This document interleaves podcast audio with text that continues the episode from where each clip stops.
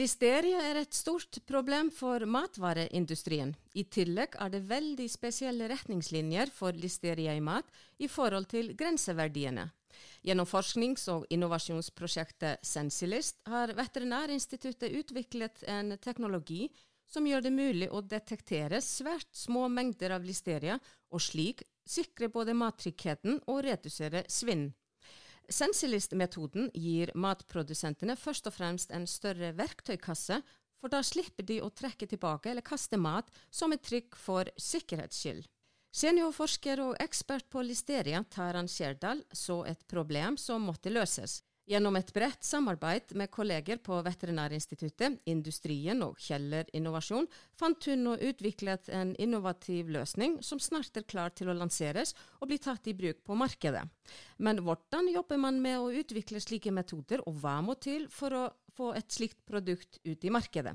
Gjestene våre i denne episoden av Vettpodden er Taran Skjerdal og Ann Ingeborg Vålen fra Kjeller Innovasjon.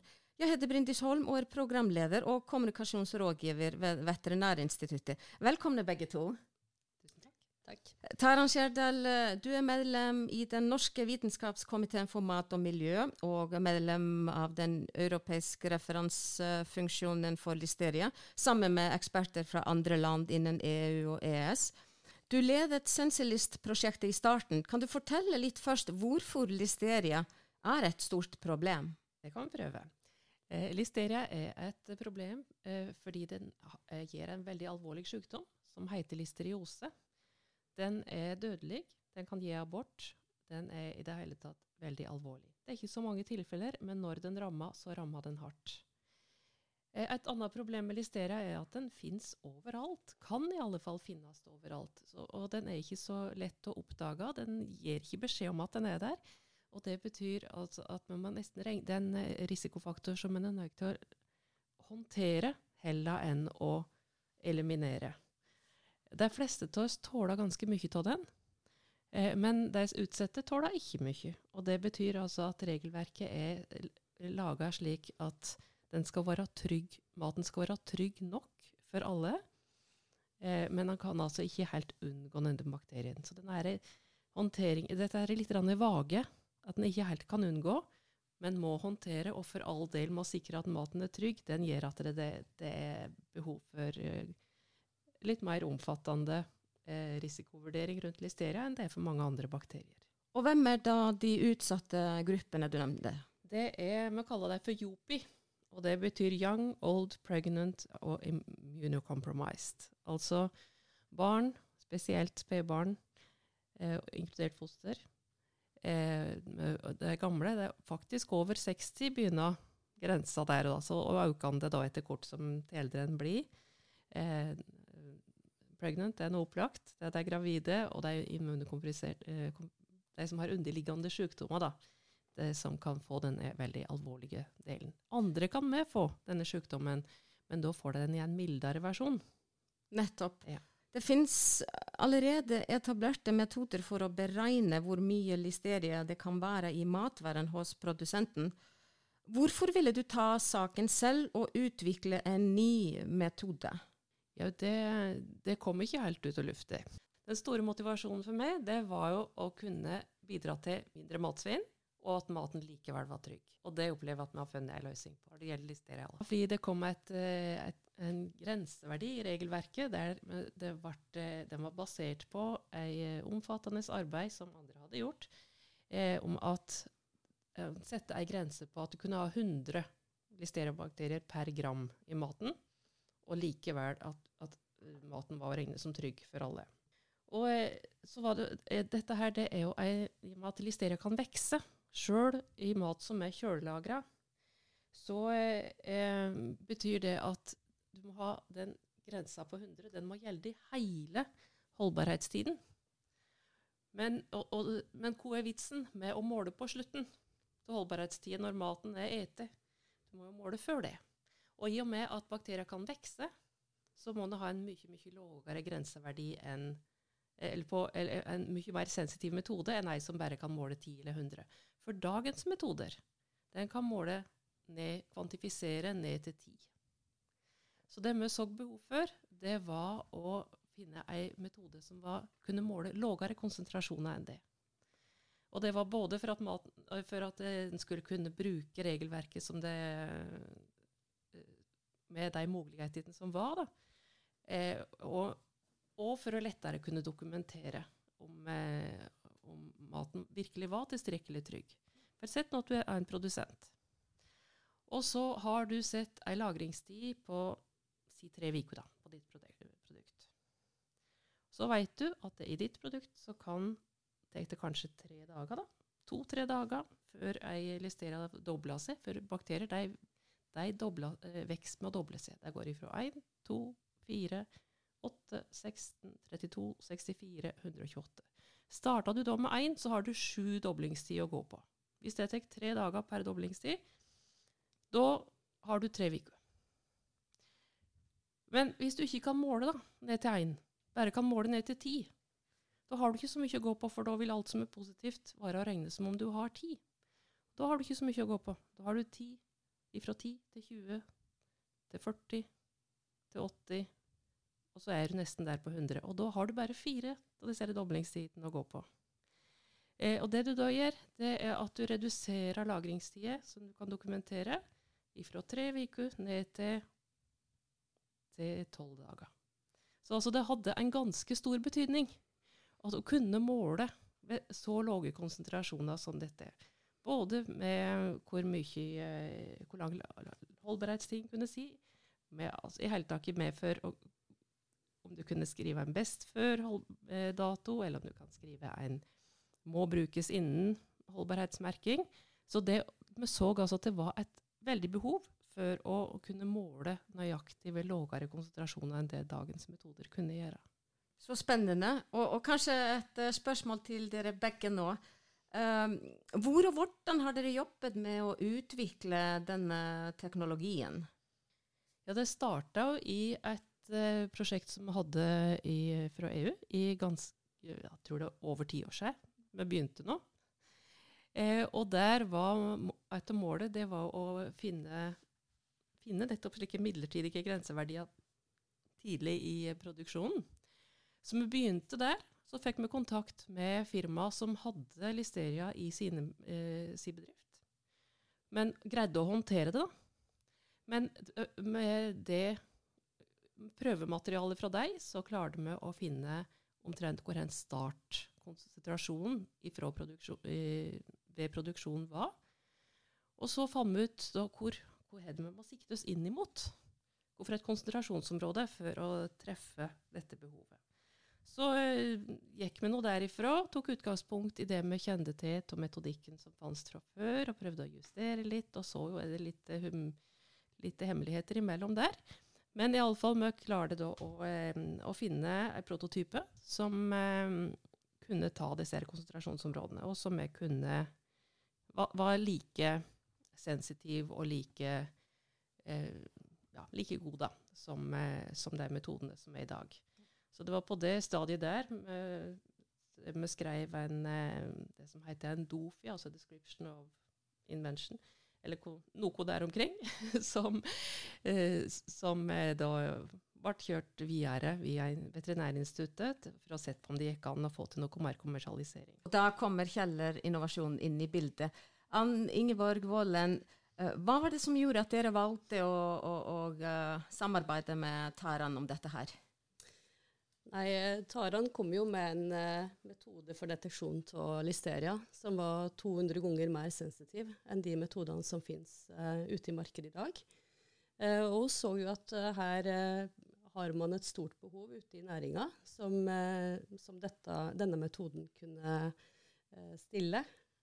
Og um, hun så at metoden kunne ha et stort potensial Eh, for å kunne skape ny næring i Norge. Skape nye arbeidsplasser. Eh, og òg at den tilfredsstilte et stort behov ute i næringa. Eh, og ikke bare næringa i Norge, men faktisk globalt. Jeg er at løsningen er mer sensitiv enn andre løsninger. Så du kan måle lågere konsentrasjoner til, eller kvantifisere lavere konsentrasjoner av listeria. Men det andre er jo at det er en laveteknologisk metode. Så med dagens metoder så må du ha eh, avanserte laboratorier, Ja. og du må ha eh, ingeniører for å gjennomføre analysen. Og dette er en metode som kan utføres eh, uten at du har mye utstyr. Det er en, det er en enkel test eh, der du ser på en fargeforandring. Eh, og I tillegg så kan, du, kan den utføres til folk som ikke har ingeniørkompetanse. Akkurat. Og uh, hvilken prosess ble da satt i gang for å utvikle dette og, og teste og validere?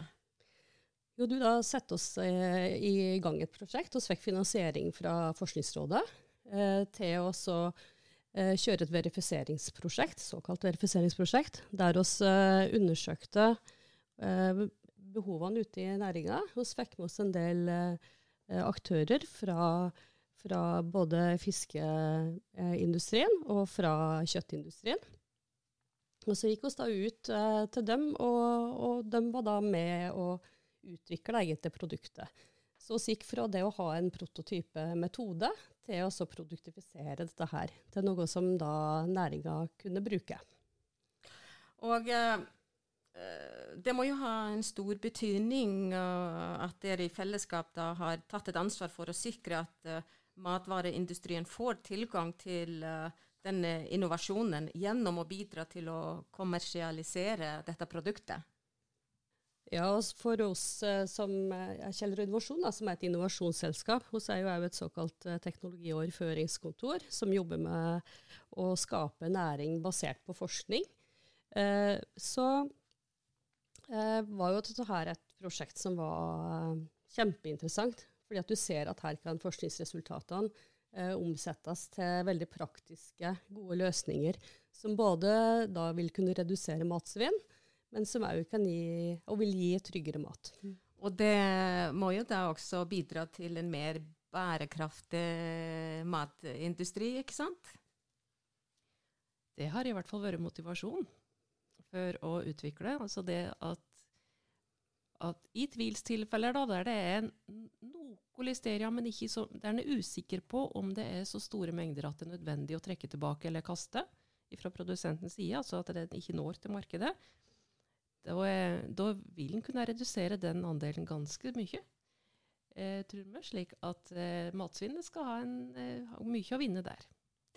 Og eh, er noen utfordringer dere har hatt under eh, utviklingen eh, av produktet? Jo, vi var veldig heldige med utgangspunktet.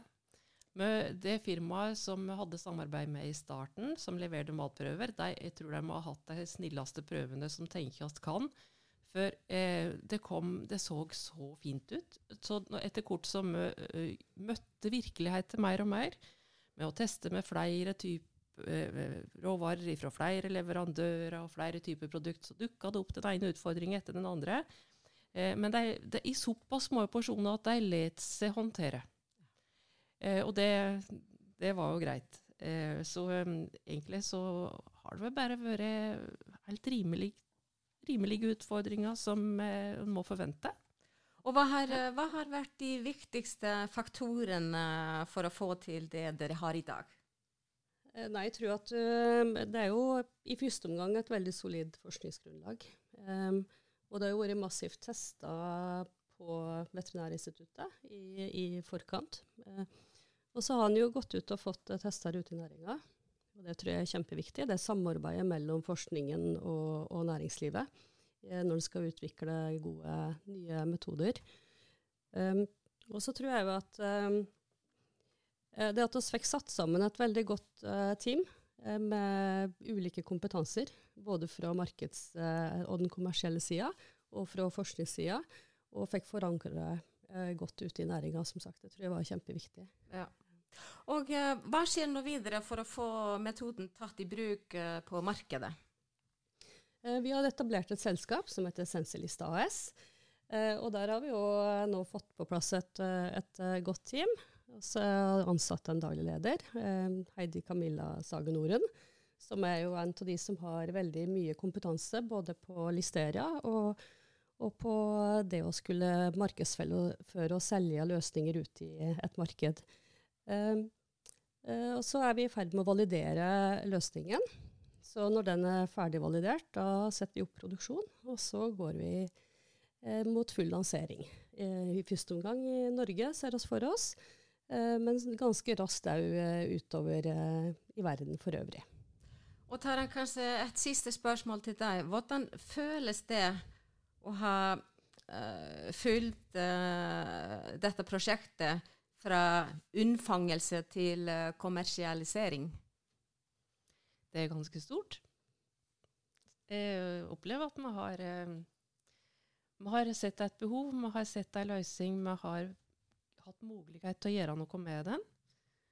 Og og, og det, er, ja, det, det, kjennes rett og slett veldig godt å ha fått uh, brukt, brukt, alt vi har av nettverk, uh, og sett en løsning som andre med et annet nettverk kanskje ikke ville sett. Så jeg er veldig, veldig glad for å ha fått denne muligheten. Ann Ingeborg? Ja, jeg vil si Eh, at eh, det som har vært en suksessfaktor, det er jo at vi har hatt god støtte fra virkemiddelapparatet. Både fra Forskningsrådet, som vi har fått eh, penger til å verifisere teknologien av i første fase. Eh, men òg nå senere fra Innovasjon Norge, som, er, som støtter prosjektet. Eh, og så har vi fått en del støtte gjennom SIVA-systemet. Så det er jo en viktig faktor for å få denne type forskningsbasert teknologi ut i et marked. Det er nettopp det. fordi Til syvende og sist så handler det om å, uh, å gjøre forskningen tilgjengelig og, og, nyttig i samfunnet, ikke sant? Ja, det er jo det å uh, få både næring og gode løsninger ut av uh, de midlene som investeres i norsk forskning. Veldig veldig spennende å høre på. Tusen takk for at dere kom på besøk i Vettpotten. Tusen takk. Du finner mer informasjon om dette temaet på våre nettsider vettins.no. Husk å følge oss på Facebook. Ny episode i Vettpotten kommer snart.